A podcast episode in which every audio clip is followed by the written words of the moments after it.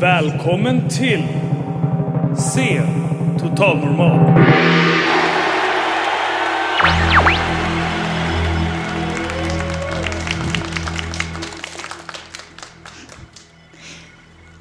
Tack. Och välkomna från mig med. Ehm, den här kvällen heter ju Att skriva sitt psyke. Jag heter Alice Cassius Eggers och är författare och skribent och jobbar också på Lava bibliotek och verkstad som är eh, ja, lite likt Dieselverkstaden för folk mellan 14 och 25.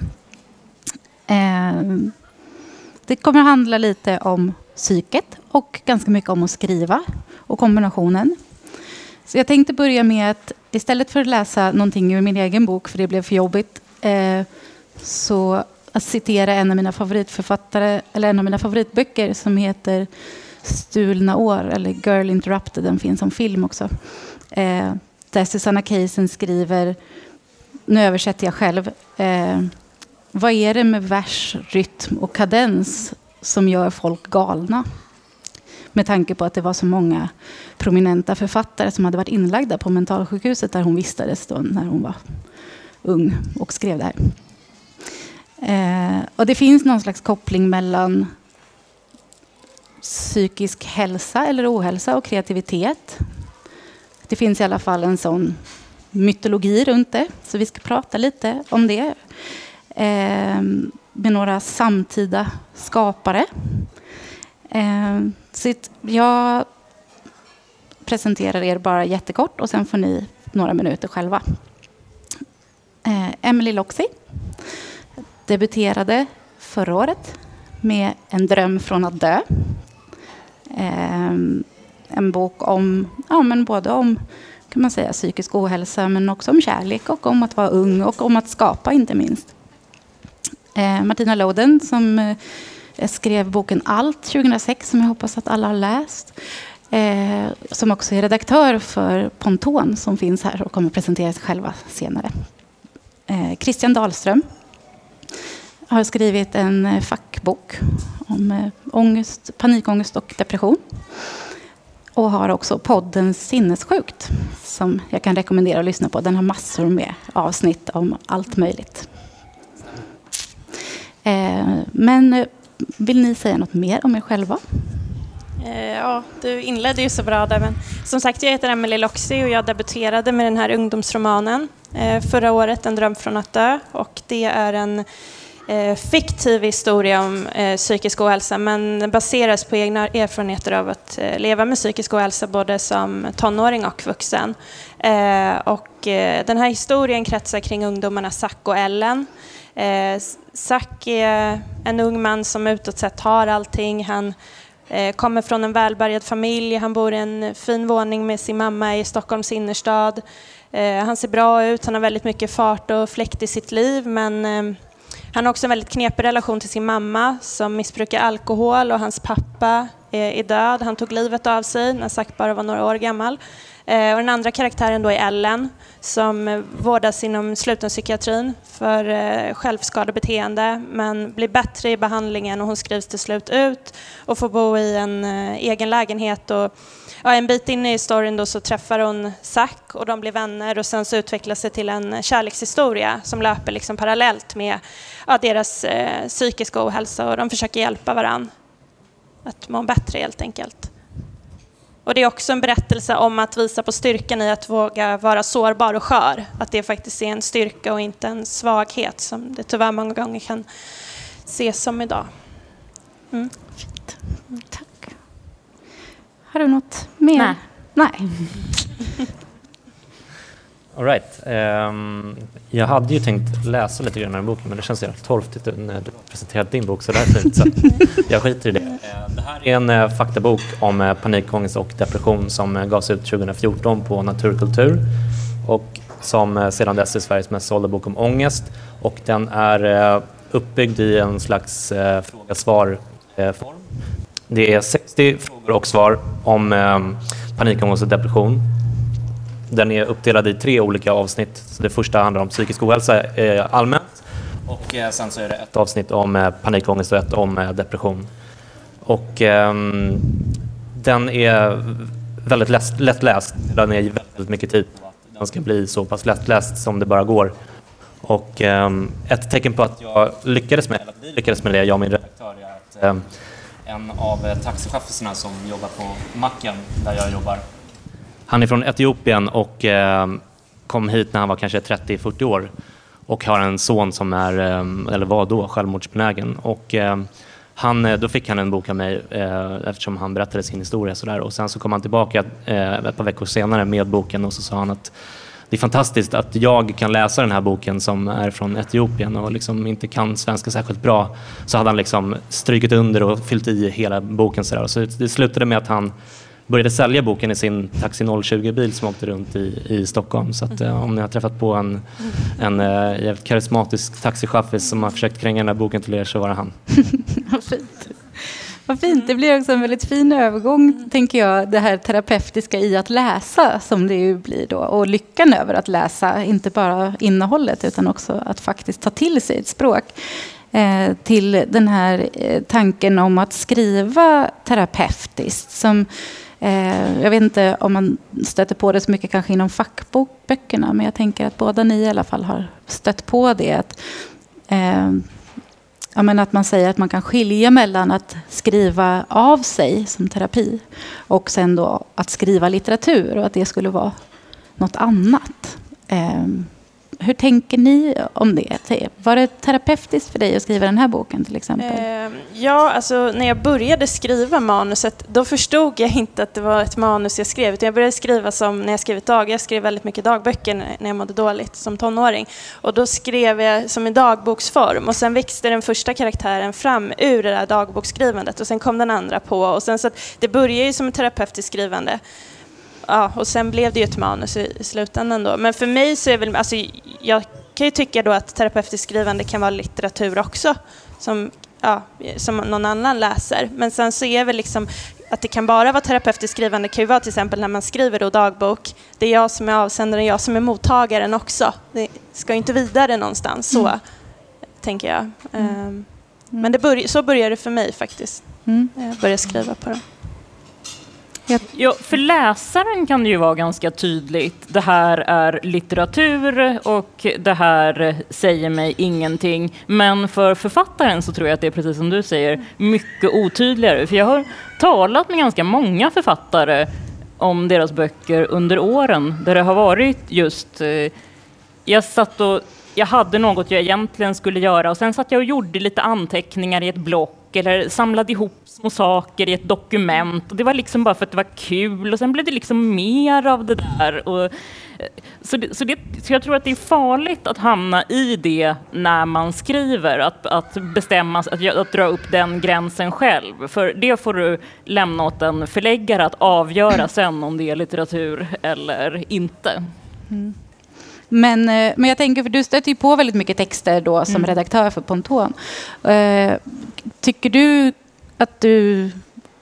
Om, kan du säga någonting som är en tydlig skillnad mellan när du upplever att det här är terapeutiskt och det här är liksom litterärt? Eller är det flytande för dig?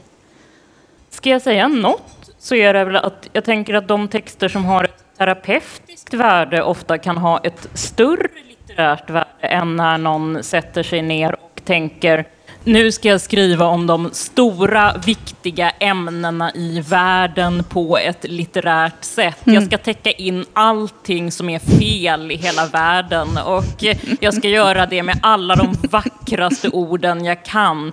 Det kan komma litteratur ur sånt, men jag tror, tror ofta att det blir bättre litteratur om man börjar från något det här, det här gör ont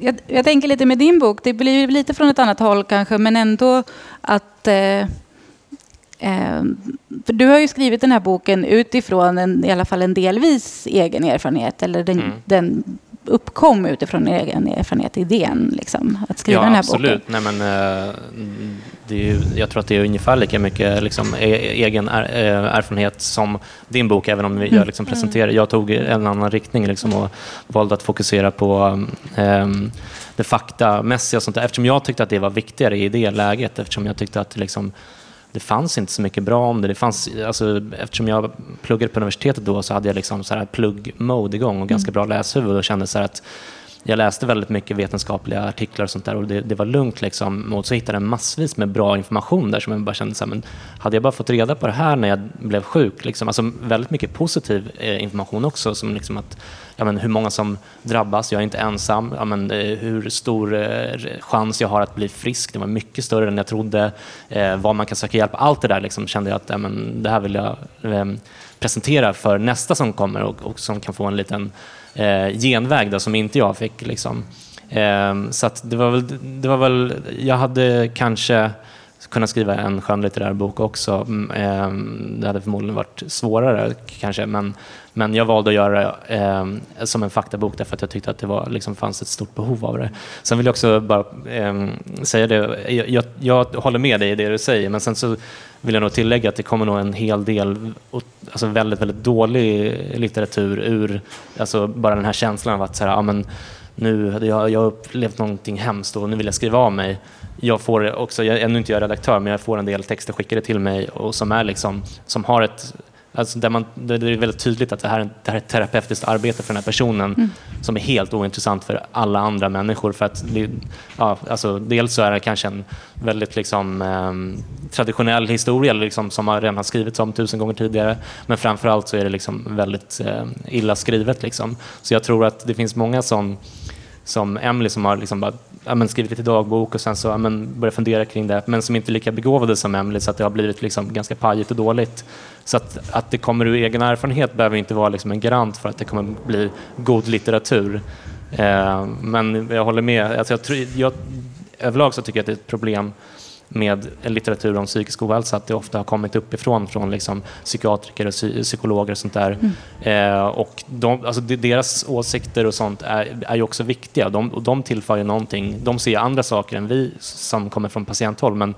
men överlag så tycker jag att det blivit väldigt mycket från det hållet. Och dessutom tycker jag inte att de som har skrivit de böckerna, om man ska generalisera jättemycket, har varit särskilt ödmjuka inför uppgiften. Liksom, utan att de, mm. det, som sagt, nu genererar sig jättemycket, men att psykiatriker kanske inte är överlag superödmjuka och liksom, eh, med å ena sidan och å andra sidan, utan de är lite, lite, lite mer von oben. Liksom. Och, och därför tycker jag att det är ganska befriande att det kommer eh, människor som typ Emelie och massvis med andra som skriver väldigt bra om det här, fast ur det perspektivet. Mm. Och din bok också.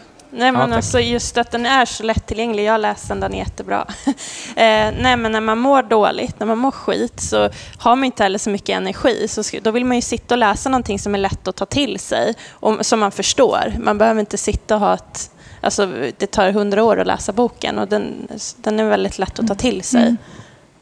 Där, där tänker jag precis att det behövs också en variation mellan olika textarter. Liksom. Att jag, jag, jag har själv ganska mycket erfarenheter av psykisk ohälsa på olika sätt och eh, har väl alltid haft kanske lättare att ta till mig någon slags poesi än fakta till exempel. Så därför så var det naturligt för mig när jag behövde skriva om eh, sorgebearbetning eller sånt där. Att använda mig av den formen. Liksom. Det beror ju på, som du säger, du var inne i ett pluggmode. Då är man också inne i att så här, ja, men hur förstår man en text, fakt, en faktatext på ett bättre sätt. Liksom. Eh, och det tänkte jag på när jag läste ett stycke i din bok. Eh, där du har en sån fin beskrivning som jag känner igen mig väldigt mycket i att, eh, av eh, Ellen. Då. Eh, det fanns aldrig något mellanläge i hennes liv, bara antingen eller. Det ljusa eller mörka, mm. gott och ont, starkt och svag. Mm. Och som också handlar om, både om, om självskadebeteende och om, eh, men också den här friheten i att skriva då. Att det finns ju en väldigt sån, stark kraft för henne att skrivandet är det blir en metanivå av att hon också skriver då terapeutiskt. Jag vet inte hur bra hennes text blir, det vet man ju inte. Men den kanske blir jättebra. Eh, men, men hur var det liksom att när du skrev den personen, var det självklart för dig att det skulle finnas... Zack har ju också, han har ju sin målande, så han har också en kreativ liksom, eh, ådra eller mm. outlet. Sådär. Mm. Eh, var det någonting som var självklart för dig att ha med? Att de skulle vara kreativa? Ja, att, att det är så tätt sammankopplat med ångest. Ja, liksom, ja nej, men det är en väldigt intressant fråga. Jag, jag, tror inte, jag tänkte inte på då just den här kopplingen med ofta eller, ja, att kreativitet och psykisk ohälsa. Eh, utan det var nog mer att eh, ja, jag har ju själv använt mig mycket av att skriva Eh, när jag mått dåligt. Jag har också dansat ganska mycket när jag var i tonåren. Så jag har alltid liksom haft det där behovet av att uttrycka mig på ett annat sätt än att prata tror jag ligger faktiskt väldigt mycket till grund. För jag tyckte det var väldigt jobbigt att prata inför folk till exempel. Och då blir det ganska skönt att hitta ett annat sätt att kommunicera när man tycker att det är så jobbigt. Så att jag tror att det, den biten kommer nog mycket utifrån mig själv. Och sen att han målar, ja det, ja, det, det är ju ingenting jag har gjort själv så, utan det kanske var liksom att ja, men jag ville ha ett intresse för honom och då ah, måla, dans, skriva. För mig det, det är liksom det ligger väldigt nära varandra på ett sätt mm. fast vi jobbar med olika konstformer. Så. Men han pratar ju mycket om att ha kontroll. Ja. Jag tänker att det är lite ändå ja. skillnad i att, ja. att skriva liksom för att släppa kontrollen mm. då eller mm. att, eh, att ägna sig åt någonting som, där man har kontroll. Liksom, jag tänker att man brukar prata om att anorexia till exempel är en sån mm. kontrollsjukdom. Mm. Jag vet inte om det mm. stämmer men sådär. det är lite sådär. Men det är ju intressant att de att, mm. att det inte var medvetet, men att de ändå väljer så olika strategier, men båda gör det kreativt, liksom, kan man säga. Eh, hur, hur, har ni upplevt liksom, kopplingen mellan...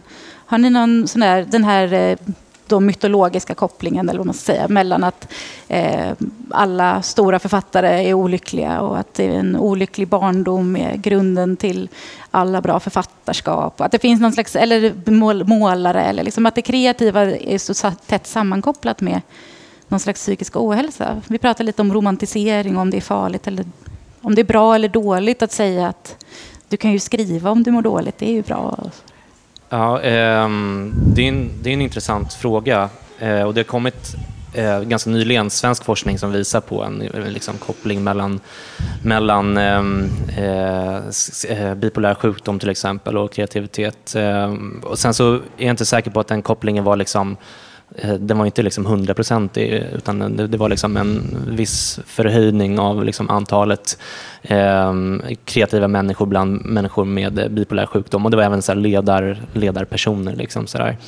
Så att, eh, men, men absolut, jag tror att det kan finnas en, eh, alltså, som du säger, man, alltså man, om, man, om man har en lite jobbig barndom till exempel eh, och man kanske inte är Eh, om man har en massa ångest, kanske inte är liksom eh, så bekväm med att liksom, ha folks uppmärksamhet, då, då, är det inte omöjligt att det här liksom blir ett slags eh, utlopp för, för, för de känslorna. Men, men jag, jag, återigen, jag tror inte att det är liksom jag tror att man kan bli en lysande författare även om man har haft en jävligt fin barndom och liksom inte har någon psykisk ohälsa. Så jag, jag, jag, jag, tror att det kan föda en benägenhet i att vilja uttrycka sig därför att man känner väldigt mycket jobbiga eller liksom saker inom sig som man liksom, det är klart att man, det är som att bryta benet, att man liksom vill skrika. Det är ju, det är egentligen ganska självklart. Liksom. Och jag, det jag sa förut om att det föds en, ganska mycket superkass litteratur ur, ur uh, lidande också. Jag, det jag ville ha sagt med det var, var, inte att man inte ska skriva om, om man, om man uh, mår dåligt. Utan det, det, det, men det är inte säkert att man behöver ge ut allting som man skriver. Utan det kan ju vara just bara terapeutiskt och det kan ju räcka väldigt väl, väl med det. Liksom. Så att uh, mm. uppmuntra folk att, att uttrycka sig kreativt även om man, om man inte har någon slags verkshöjd på det. Mm. Det tror jag också. Och att i så fall hitta en plats för de texterna där folk vill läsa dem. Det kanske, då kanske inte rätt väg är att eh, gå till ett förlag med det. Men att söka sig till något forum på internet, att ha en blogg eller något där de människor som vill ha just en berättelse och, och information. Och så var det för dig. Och inte den perfekta lilla romanen mm. kommer att söka sig. Mm. Mm. Men eh, när du, du debuterade ju som författare ganska ung. Eh, hade du någon slags mm, liksom, tanke om att, eh, ja, men att det på något sätt fanns något, något romantiskt över att känna sig missanpassad till exempel? Eller liksom, hade du sådana tankar om, om eh, att författandet på något sätt legitimerade en känsla av annorlundahet eller så? Kanske på ett lite annorlunda sätt. Inte, inte så att jag kopplade skrivandet till det, men eftersom jag i to, sen tonåren har haft människor omkring mig som varit mycket inom slutenvården och eh, som har fått olika diagnoser och sådär, så såg jag nog att en del människor just sökte sig till psykiatrin för att få sitt lidande bekräftat på något sätt. Som att det räknades först då. Vad gäller skrivandet är det, är det svårare, tänker jag. Det är, jag kan bli lite fundersam just när man talar om det på det sättet. För jag tänker för alla som har rakt motsatt erfarenhet av att må dåligt, att man inte kan skriva alls, att man tappar ord. För så blir jag när mitt stämningsläge sjunker lite. Jag får liksom väldigt svårt att prata, väldigt svårt att tänka, väldigt svårt att läsa och så vidare. Och då kan det ju vara tungt att höra det där, liksom att ah, det är egentligen nu du mm. borde skriva som mest. Mm. Mm. Det är intressant. Det pratar man ju inte lika mycket om. Den där förlamningen som ju också ingår i någon slags, eller som kan ingå i en depression eller i en sådär. Um, en sak som, som vi var inne på lite tidigare eh, var det här uttrycket som jag hade hört i din podd som inte, inte du då Christian hade sagt utan en psykolog eller en terapeut. En läkare. En läkare. Eh, att eh, som terapeut eller som läkare eller som inom psykiatrin som arbetande så ska man vara personlig men inte privat. Vilket jag reagerade över för att jag tycker att det är en sak som väldigt ofta litteraturkritiker till exempel ägnar sig åt. Att berätta för författare att den här boken är privat istället för personlig och därför är den dålig. Eh, jag tycker att det har blivit lite bättre med den saken. Men jag läste till exempel en recension från 2006, 10 ja, av Beate Beate Grimsruds då är fri som handlar om psykisk ohälsa på något sätt, eller som handlar om, men som är en roman utifrån det läget. Eh, som just problematiserade det här mycket om att så här, ja, men när blir det för mycket av författaren och hur ska man kunna läsa en bok eh, om det egentligen är författaren som då behandlar sig själv genom den här boken. Eller så där. Jag tyckte själv att det var en ganska konstig text. Men, eh, men hur, hur tänker ni liksom om den här gränsen mellan personlig och privat? Jag tänkte till exempel på texter som du får in till Ponton när, när känner du att du har ett ansvar att liksom säga att de här detaljerna kanske du inte vill ha med? Eller det är ju också en, ibland ganska unga personer. Händer det ofta att man får liksom privata berättelser som man känner att det här är inte bra varken för dig eller läsaren att det publiceras? Liksom? Ja, det har hänt. Nu säger vi ju uttryckligen att vi just publicerar litteratur av unga. Så de flesta som skickar in texter till oss har ju liksom i någon mån bearbetat redan. De har gjort det till en novell, till dikter, till en slags lite stiliserade dagboksanteckningar eller så. Det är inte riktigt det där att de bara har skrivit rakt upp och ner. Jag är så här gammal och det här har hänt mig och, mm. och så vidare. Men så nej, vi, jag brukar inte behöva avvisa texter just av det mm. skälet. Snarare att de då, som Kristina var inne på också, liksom inte har arbetat tillräckligt mycket med stilen och så. Mm. Men det tycker jag är en helt annan fråga mm. egentligen. För om du är personlig eller privat har ingenting att göra med hur bra du är på att skriva. Mm. Hur var det för dig, Emelie, när din bok blev antagen eller när ni mm. skulle ge ut den och sånt där? Pratade du med någon på förlaget eller sådär om gränsen mellan... Ja, liksom... nej, men framförallt hade jag väldigt mycket kontakt med min redaktör mm. när vi redigerade boken och där eh, jag hade en väldigt fin kontakt med min redaktör och jag kände direkt när hon läste manuset första gången att ja, men det här var verkligen ett bra samarbete och där tror jag då har man kommit en lång bit på vägen för då blir det lättare sen när man får tillbaka manuset. Och, för det är ju mycket kommentarer och, och det här ska redigeras och det här funkar inte riktigt här och här hänger man inte med. Och det, det handlar ju om att det ska bli en färdig produkt, så att en läsupplevelse från början till slut som ska hänga ihop, att man ska leverera det. Um, och det, då, ja, jag, jag hade nog inte så jättesvårt på att släppa vissa. Jag tog åt mig mycket av det hon sa. Det kändes bra för mig. Det var väldigt utvecklande och det är jag otroligt tacksam över. Det tyckte jag var jätteroligt. Uh, jag tänkte innan att jag skulle tycka att det var väldigt jobbigt att någon var inne och petade så för att det det är ett sånt, eh, sånt ämne som jag känner så starkt för. Att även om det inte är självbiografiskt så finns jag ju med där ändå på något sätt i alla de här fiktiva små mm. karaktärerna och ja, händelserna och sådär. Eh, men det... Mm, nej, som sagt, jag har bara bra erfarenhet mm. av det. Men nu blev jag lite nyfiken på just när du sa Att, eh, alltså när, Mm. när uppstod det för dig själv att du kände att det här är inte längre Mm. dagboksanteckningar? Så när, när blev det litteratur liksom i ditt huvud? För mig? Ja, det var nog när jag började jobba med texten utifrån att det var karaktärer. Att det var liksom två fiktiva personer och huvudpersonerna som liksom drar berättelsen framåt. Och samtidigt då så kände jag att min röst kanske, eller min röst, att jag tog ett kliv bakåt och sen så, ja, Mm. nu låter jag lite flummig kanske men Nej, eh, ja, Tydligt, någonstans där tror jag. Ja, faktiskt. Eh, Men vad tänker ni om, nu, som sagt, nu har du gjort om dem då till karaktärer. Eller jag menar, nu har du skrivit en fiktiv bok. Jag ska inte, Mm. eh, men eh, finns, det liksom, finns det ett ansvar då från till exempel förlag eller sådär att säga till att nu kanske du lämnar ut dig för mycket. Så här, det här kanske inte är så bra för dig. Om man befinner sig mitt Ja. i en depression Ja. till exempel. Eller, Ja, det där är en jätteknepig fråga och jag tror att det mm, alltså, är lite från fall till fall sådär. Alltså det, ja, vad säger ni? Eh, Jag tänker att då är ju boken den bästa tänkbara formen att, att eh, skriva om sånt i eftersom den är så långsam. Tänk om du istället liksom då ska skriva en krönika som publiceras nästa dag. Om du liksom, åh, kan du vara med i TV nästa vecka och eh, prata om det här? Åh, vi ska göra en podd nu som vi liksom lägger ut. En bok är ju liksom det långsammaste sättet att eh, meddela sig av det där, vilket gör att man verkligen hinner tänka igenom det väldigt länge. Ja, det är ju ett bra perspektiv. Skriv böcker, hörni. Ja. Hur tänker du? eh, Ehm, nej, men jag tycker, väl att, jag tycker väl egentligen att det ansvaret framförallt ligger på en själv. Och sen så är det klart att man, man har en väldigt svår sjukdom, och å andra sidan då är man nog inte liksom, alltså är man så pass svårt sjuk så är man nog inte kapabel att skriva överhuvudtaget. Um, och i, alltså personligen så är jag lite mer jag tycker att det, det är nästan intressantare att eh, liksom ut, um, utmana gränserna åt andra hållet. Liksom hur mycket kan man berätta om sig själv?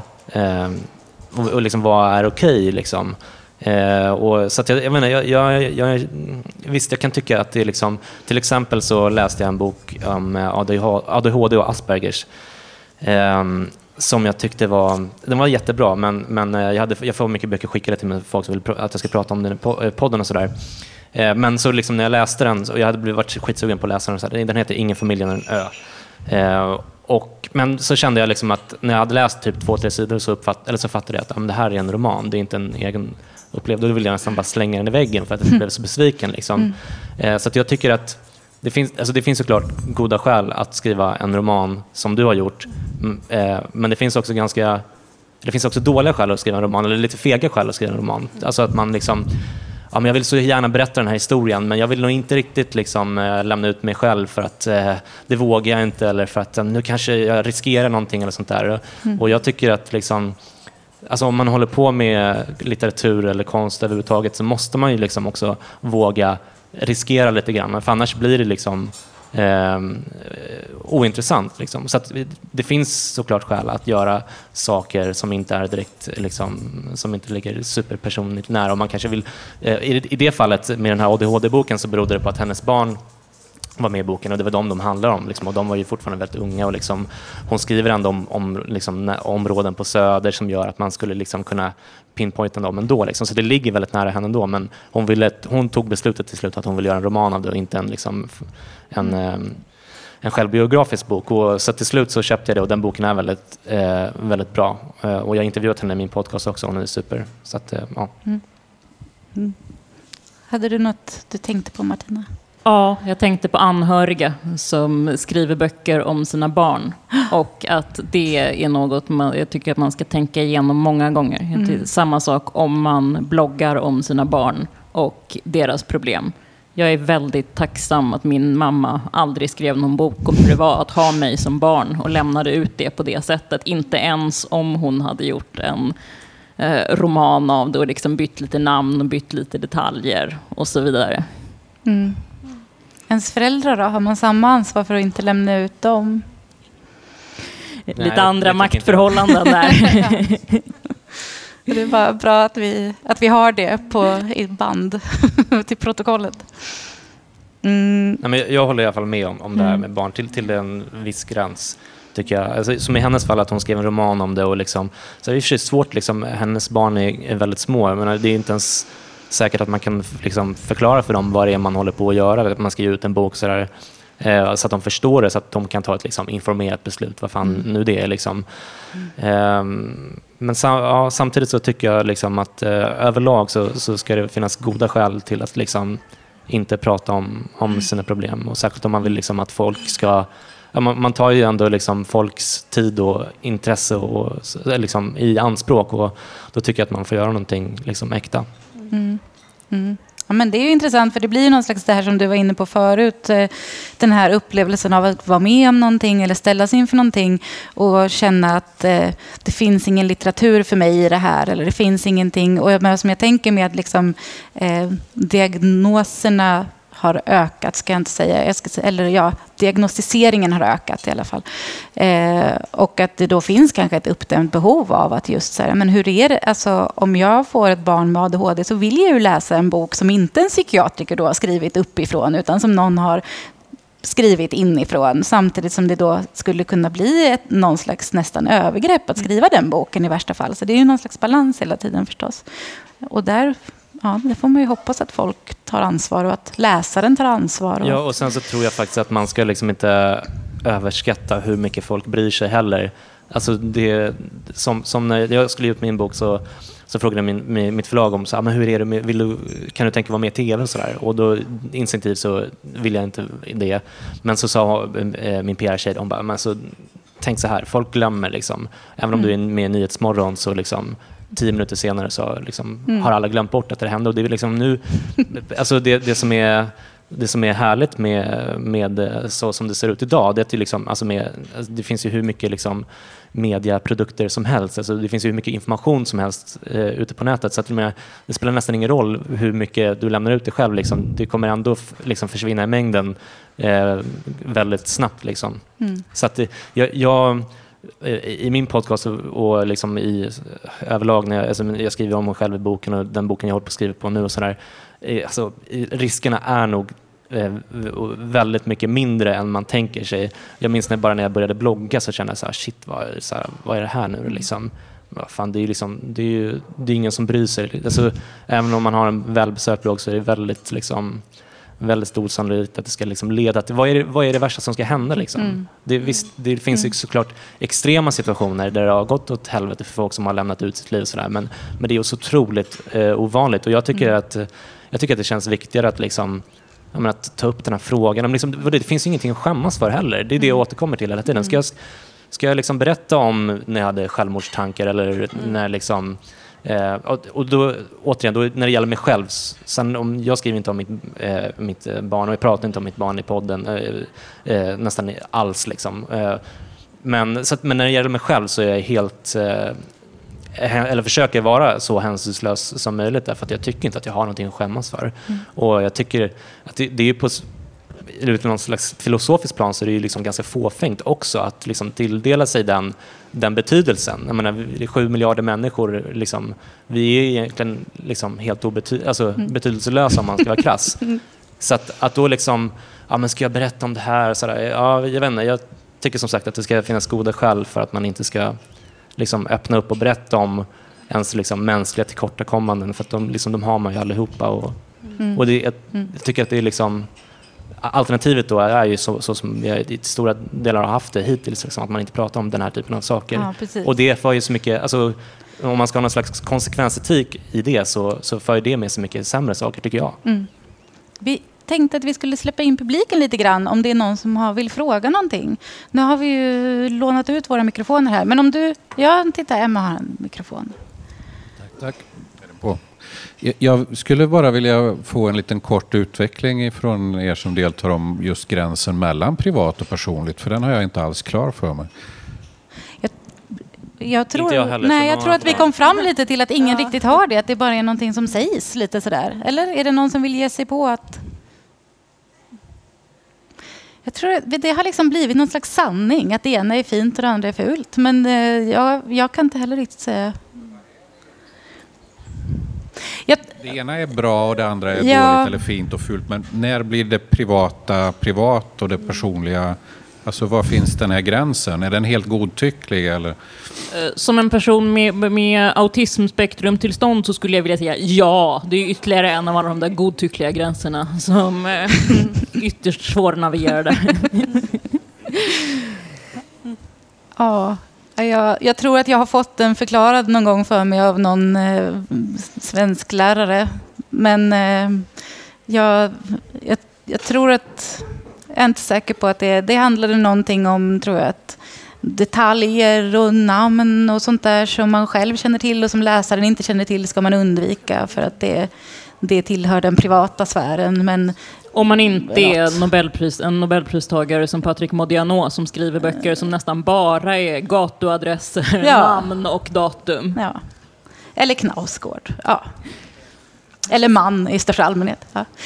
Det känns jätteöverdrivet med en mick här. Jag ville bara hjälpa farbrorn här bakom med ett exempel. Ha? Om man står och pratar med någon i en busskur så är man personlig om man säger usch jag tycker det är lite ruggigt, tycker inte du det skulle vara gott med en kopp varm choklad när man kommer hem? Då är man personlig. Då säger man, vet du när jag kommer hem då ska jag ta fram, då ska jag ta fram min massageapparat. Det blir skönt. Då är man lite privat. Mm.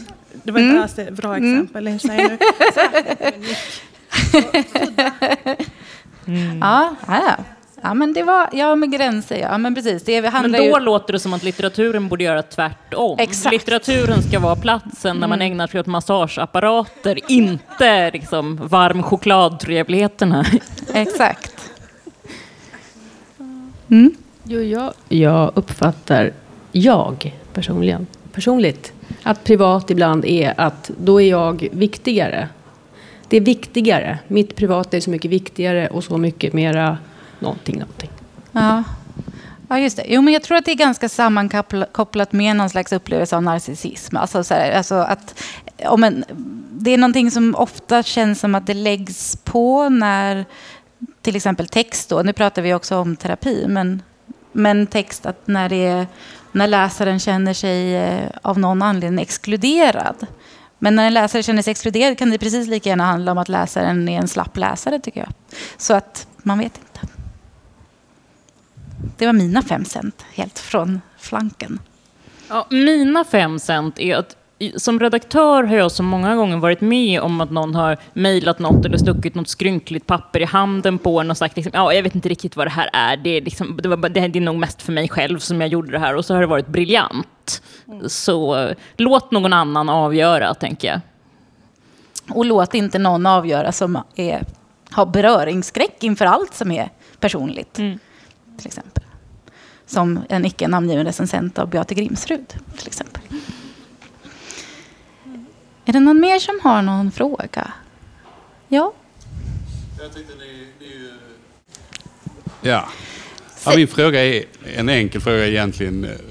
Vad har ni liksom för att rekommendera annan sorts litteratur om det är nu poesi eller romaner eller kanske även faktaböcker mm. utöver detta vi har fått reda på idag? Liksom?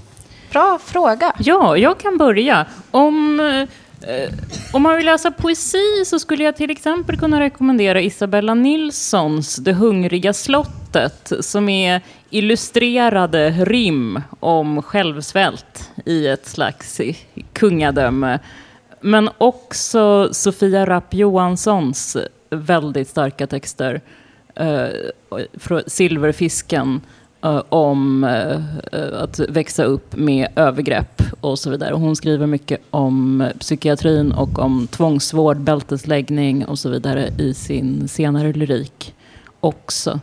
Mm. Sen har jag också, skulle jag också vilja rekommendera eh, serier av Klara Viksten. Dagarna och Hjärnan darrar. För jag tycker om hur hon skriver om att vara sjuk eftersom hon skriver väldigt mycket om vardagen. Hon skriver liksom om verksamheter som unga handikappade, om man sitter med Försäkringskassan eller liksom olika projekt på Arbetsförmedlingen och den delen av livet och de människor man möter där. Så läs henne. Hon, det finns, eh, många av hennes serier finns på nätet också tror jag, om man söker på Hjärnan darrar. Ni andra, har ni några boktips? Ja, jag har ett som jag kommer på. Slutstation Rättspsyk. Den kom ut för några år sedan. Eh, skriven av Therese Eriksson heter hon, Sofia Åkerman. Ja, det är två författare. Och, eh, ja, den handlar ju om eh, kvinnor som har självskadebeteende men som har fått vårdas inom rättspsykiatrin fast de egentligen inte hör hemma där. Eh, oerhört bra och gripande bok och just att eh, patienterna själva fick komma till tals i boken med sina ord och det tyckte jag var så otroligt bra. Mm. För att eh, slutna psykiatriska vården är oftast en del som, som är sluten, som man inte får ta del av. Jag tyckte det var så bra att de gjorde den här boken. Så den kan jag rekommendera. Mm. Ja, jag har hur mycket som helst. Ehm, ehm, om jag ska börja med en eh, så finns det en så här, Pia Delson som en eh, cancerläkare och psykiatriker från Lund som har skrivit ehm, en bok som heter Väggen som är en haiku-liknande dikter som handlar om utmattningsdepression. Om man vill läsa om eh, depression så finns det en bok av Micke Agerberg som heter Utemörkret som fortfarande är en av de bästa böckerna om depression på svenska. Trots att den, den kom ut först 98 och sen har den blivit återutgiven 2011 tror jag. Eh, det finns en bok av eh, Maria Borelius som heter Bryter sista tabut som handlar om eh, tabut kring psykisk ohälsa överlag. Hon är ju före detta handelsminister, kortvarig i och för sig, men ändå. Jag har intervjuat henne i min podcast också. Om man vill veta mer om stress överlag så finns det en bok som heter Varför zebror inte får magsår av Robert Sapolsky, en amerikansk eh, neuroprofessor. Den finns översatt till svenska. Den är jävligt dyr och, och, ganska tjock, men den är väldigt bra. Den handlar i och för sig om, om stress överlag, liksom. men eh, det finns kapitel om till exempel depression där också.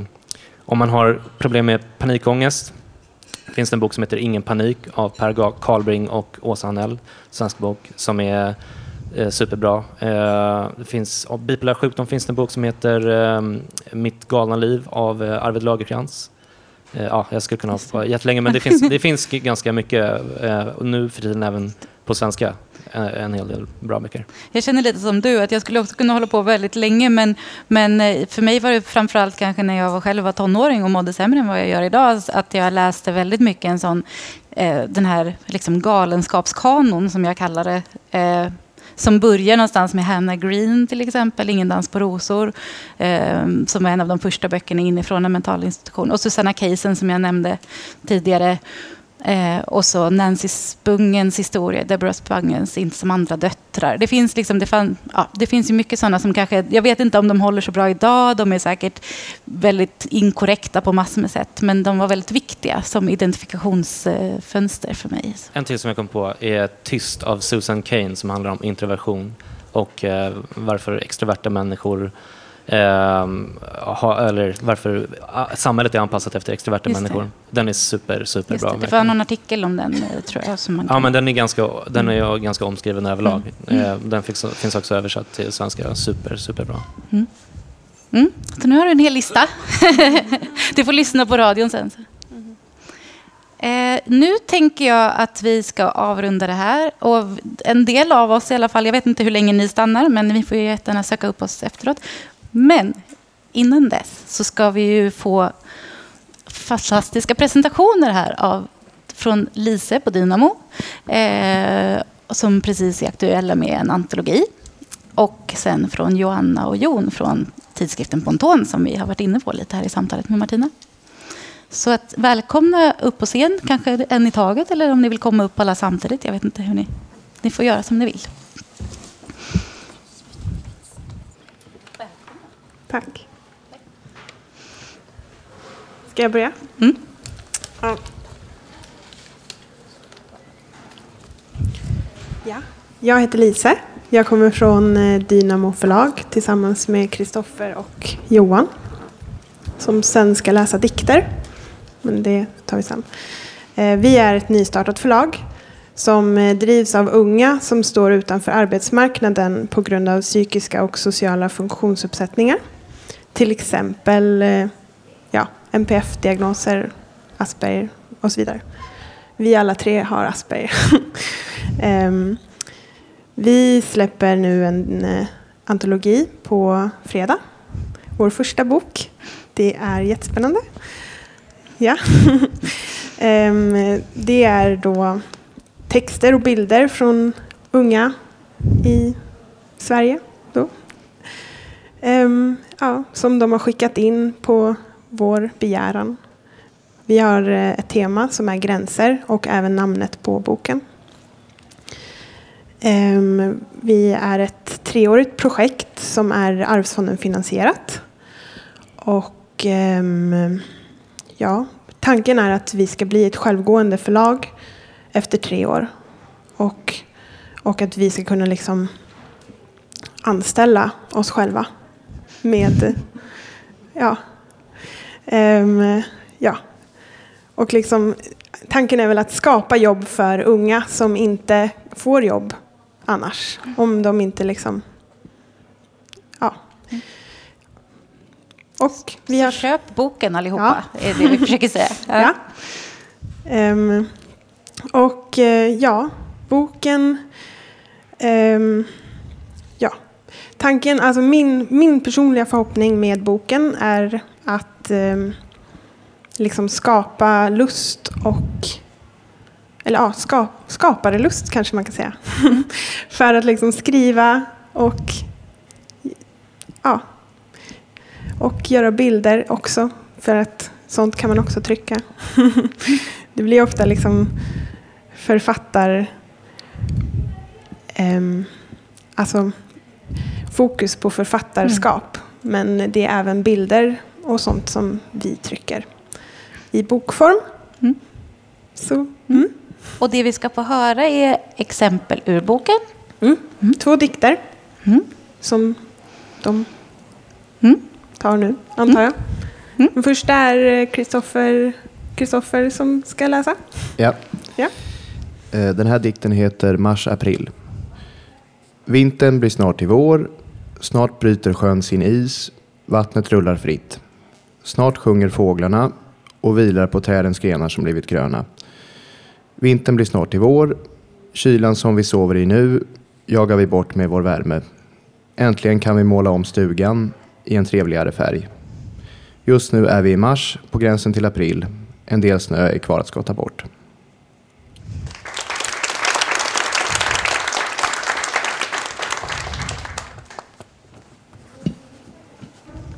Det här är Johan Måninger som ska läsa sin dikt nu. Ja, eh, jag ska läsa en dikt som heter Leva.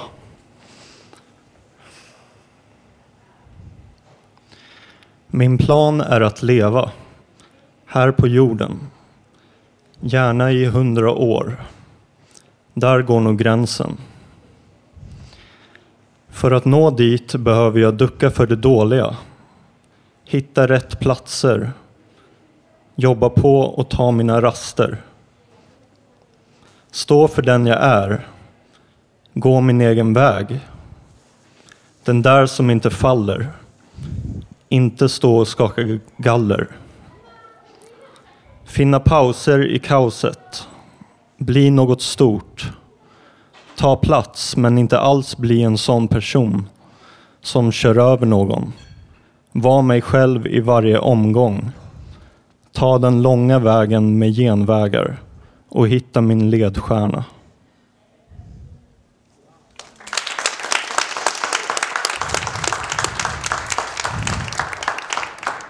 Tack så mycket. Mm. Tack. Och nu vill Johanna presentera Ponton lite. Ja, vi, jag och Jon, och jag heter Joanna. kommer från Ponton. Och Ponton är en litteraturtidskrift för unga mellan eh, 14 och 21. Um, ehm, vår tidskrift bygger till en stor del på eh, bidrag vi får insända så vi välkomnar alla som är mellan 15 och 21 att skicka in deras alster till oss. Det blir vi väldigt tacksamma och glada över. Ja, och det är allting. Och nu ska min vän från redaktionen Jon läsa en dikt. Mm.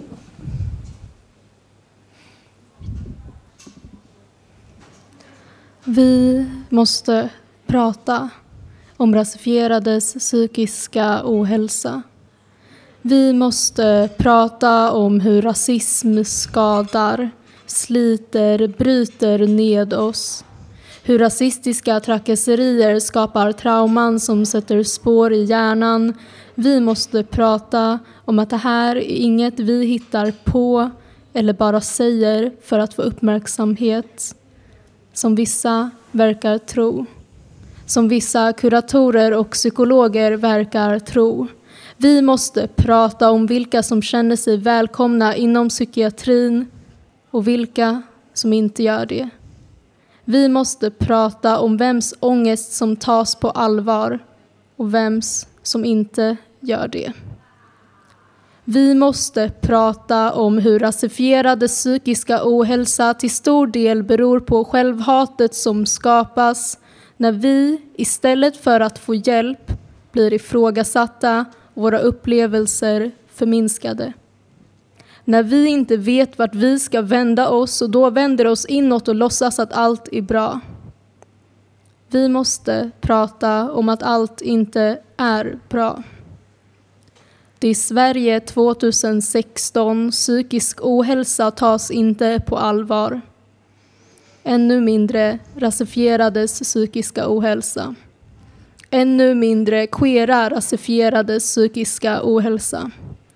Det är något vi måste prata om. Men vi orkar inte alltid skrika.